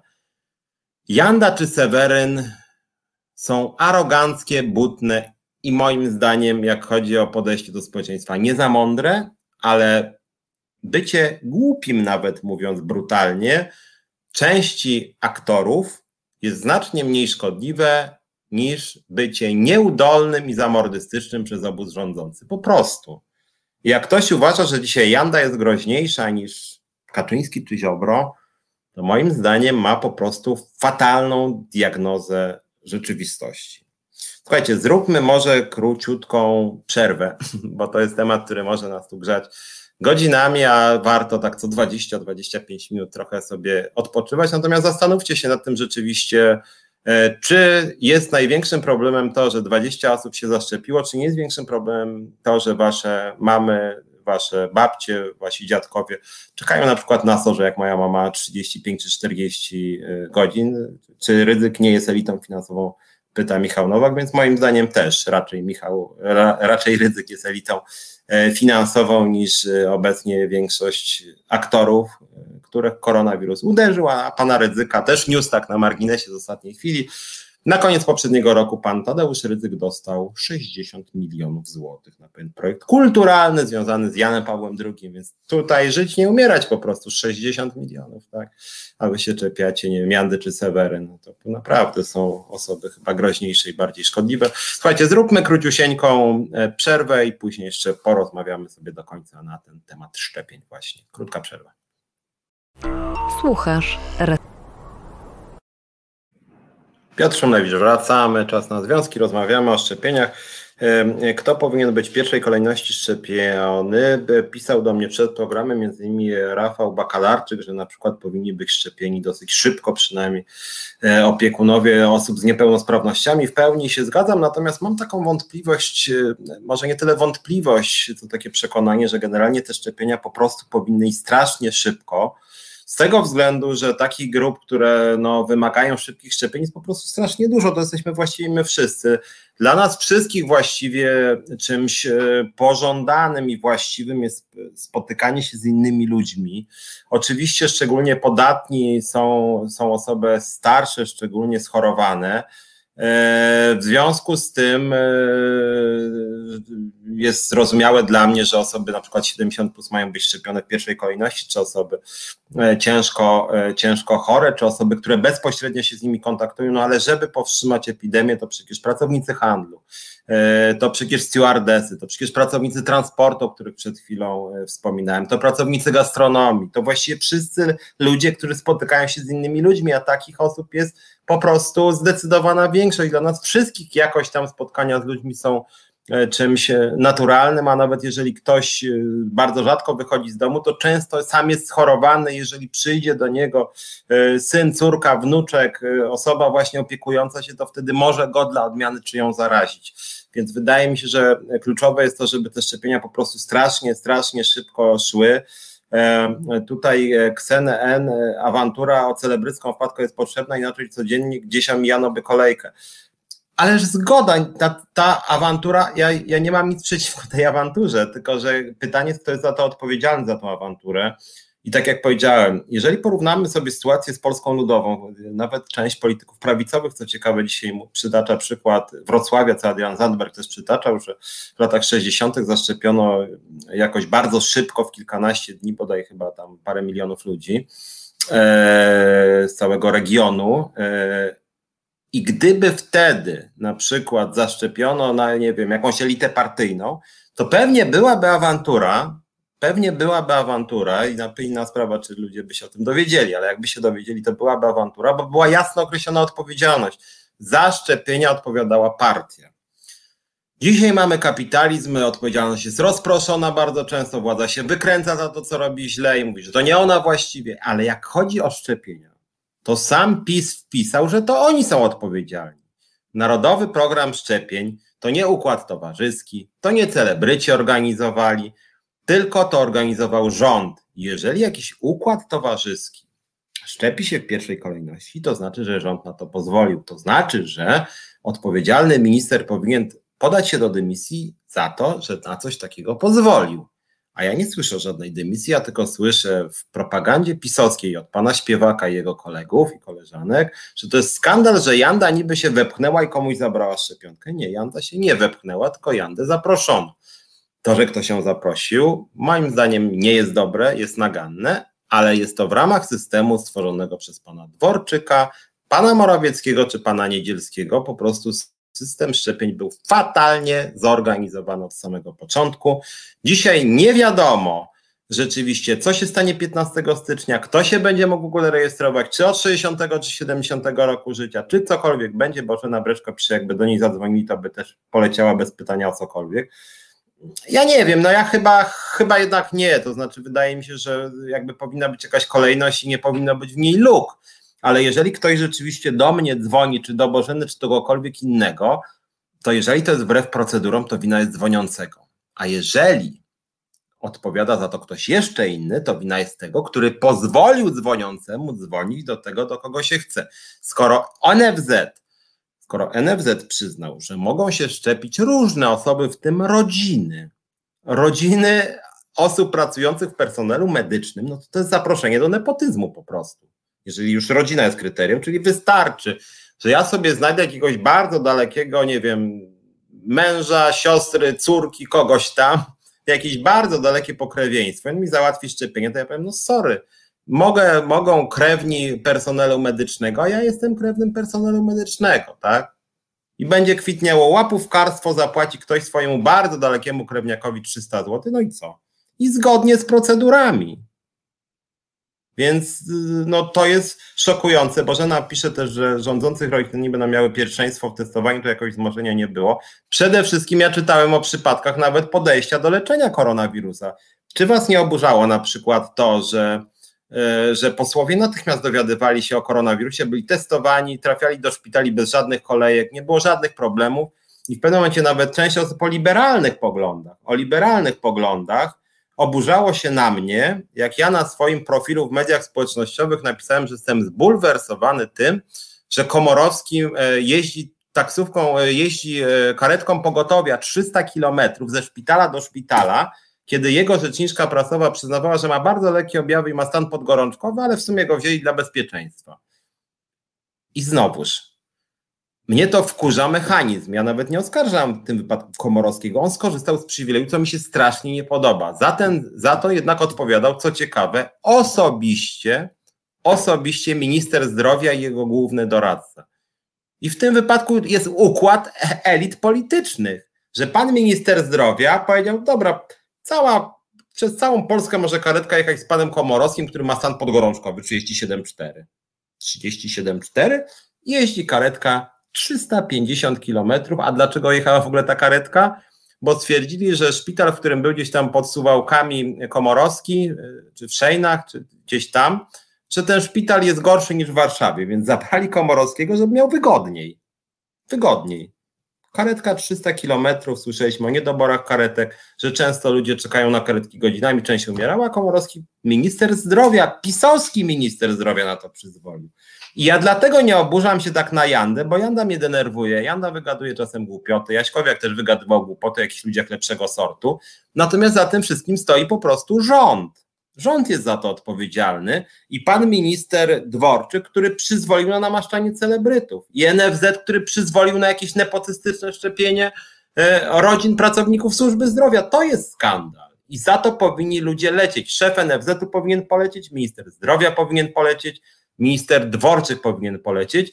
I w momencie, kiedy ja widzę śpiewaka u boku Jakimowicza, który śmieje się z Jandy, jakieś wulgarne, obrzydliwe dowcipasy, trochę niedobrze mi się nie robi. Uważam, że to są obrzydliwe po prostu, co wyprawia śpiewak, który staje się po prostu no, funkcjonariuszem propagandy pisowskiej, bo naprawdę przytakiwać sobie z Jakimowiczem to już no, niżej upaść nie można. No to jakby no, śpiewak, że tak powiem, kończy w bardzo młodym wieku w sposób wyjątkowo obrzydliwy, tak? I jeszcze jest to moim zdaniem bardzo marny populizm, a czytałem też nawet propozycję, chyba w Super Expressie też było, żeby dzwonić do Jandy i mówić się, co się o niej myśli. Czyli rozumiem, że ma to być teraz, zginął Adamowicz, teraz zabijemy Jandę, tak? Bo jej dano szczepionkę. No przecież to są jakieś, jakieś po prostu obrzydliwe, naziolskie pomysły, no.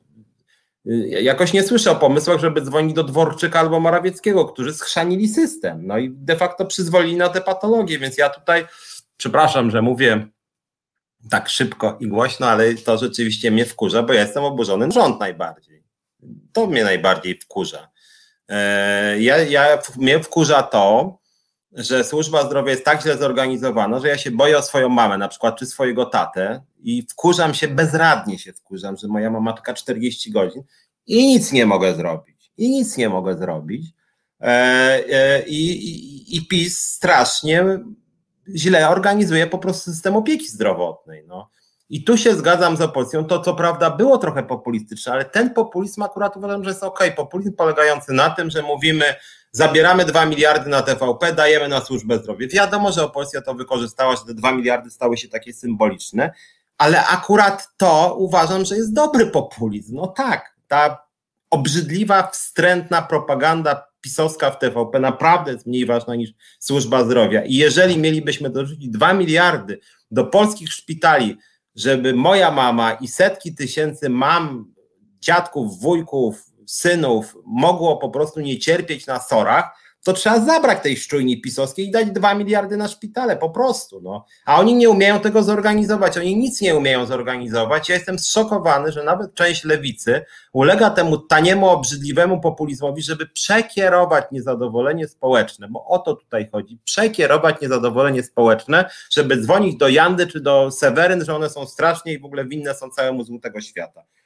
Nie one są winne, tylko pan Dworczyk jest winien. I nie ma żadnych ponadczasowych elit, bo w ogóle ten dyskurs antyelitarystyczny to jest jakaś klisza, z, nie wiem, z Franco lat 30. w Niemczech. Ja przypomnę, że w latach 30. w Niemczech elitami byli nazywani Żydzi, artyści, dziennikarze, e, autorzy różnych happeningów i to samo PiS używa tej kliszy. Kim są ich zdaniem elity? Elity to są krytyczni e, reżyserzy różnych nieposłusznych sztuk teatralnych, elitami są ci, co obrażają ich zdaniem e, uczucia religijne, elitą pewnie ja jestem również, moja skromna osoba i, i w ogóle lewicowi dziennikarze. Elitami są po prostu ci, którzy ich krytykują, elitami są intelektualiści lewicowi, elitami są aktorzy, którzy ich nie lubią. To są dla nich elity.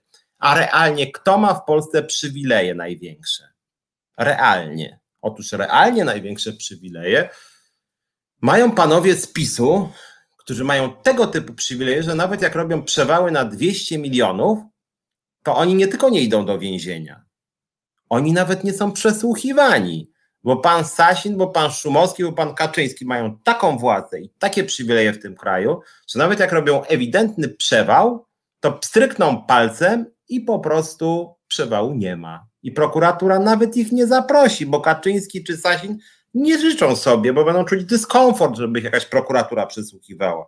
Jak ja słyszę, że tutaj elitą jest Janda i Seweryn, a nie pan Dworczyk, Kaczyński, Milczarski czy Jakimowicz, tak? Czy pani Ogórek, wszyscy full kasy mają, full przywilejów i są totalnie nie, nieruszani przez policję, prokuraturę e, i mówią co chcą, gdzie chcą całkowicie bezkarnie, to przepraszam bardzo, to jest jakieś pomieszanie pojęć, że elitą nagle się okazuje Janda, a nie pani Ogórek albo, albo pan Milczarski. Uważam, że to jest po prostu nieuczciwe traktowanie sprawy. W związku z tym tutaj przepraszam, że tak e, oburzeniem epatuję, ale myślę, że w tej ta sytuacja szczególnie pokazała brak profesjonalizmu, partactwo e, władzy i przy okazji zdolność do przekierowywania, przekierowywania niezadowolenia społecznego na osoby, które mądre może nie są, bliskie mi nie są, ale nie są winne całemu temu bałaganowi, bo to nie Janda, to nie Seweryn, tylko powtarzam po raz trzeci, pan Niedzielski, pan Dworczyk, pan Morawiecki zrobili całe, cały ten bałagan. Muszę już powoli kończyć, bo mamy wkrótce kolejną audycję. E, was zapraszam za tydzień, o tej sprawie będziemy rozmawiać, natomiast mam nadzieję, że więcej będzie się mówiło o tym, że nie są szczepieni ludzie, że proces szczepień idzie źle, że bardzo ludzie szczepionek po prostu potrzebują i bardzo potrzebują dostępu do służby zdrowia, że potrzebują na przykład opiekunowie osób z niepełnosprawnościami, że potrzebują pracownicy transportu, pracownicy handlu, nauczyciele, e, potrzebują osoby, e, które mają różne schorzenia, potrzebują osoby starsze. Wszyscy de facto ostatecznie potrzebujemy szczepionek, więc szczepcie się, niezależnie od tego, co rząd robi, co rząd mówi, to przynajmniej popierajcie szczepienia, bo kiedy się zaszczepimy, to może jeszcze potrwać. Bardzo, bardzo Wam dziękuję i do zobaczenia, do usłyszenia za tydzień. Dziękuję. To był program Resetu Obywatelskiego. Subskrybuj nasz kanał na YouTube, obserwuj na Facebooku i Twitterze.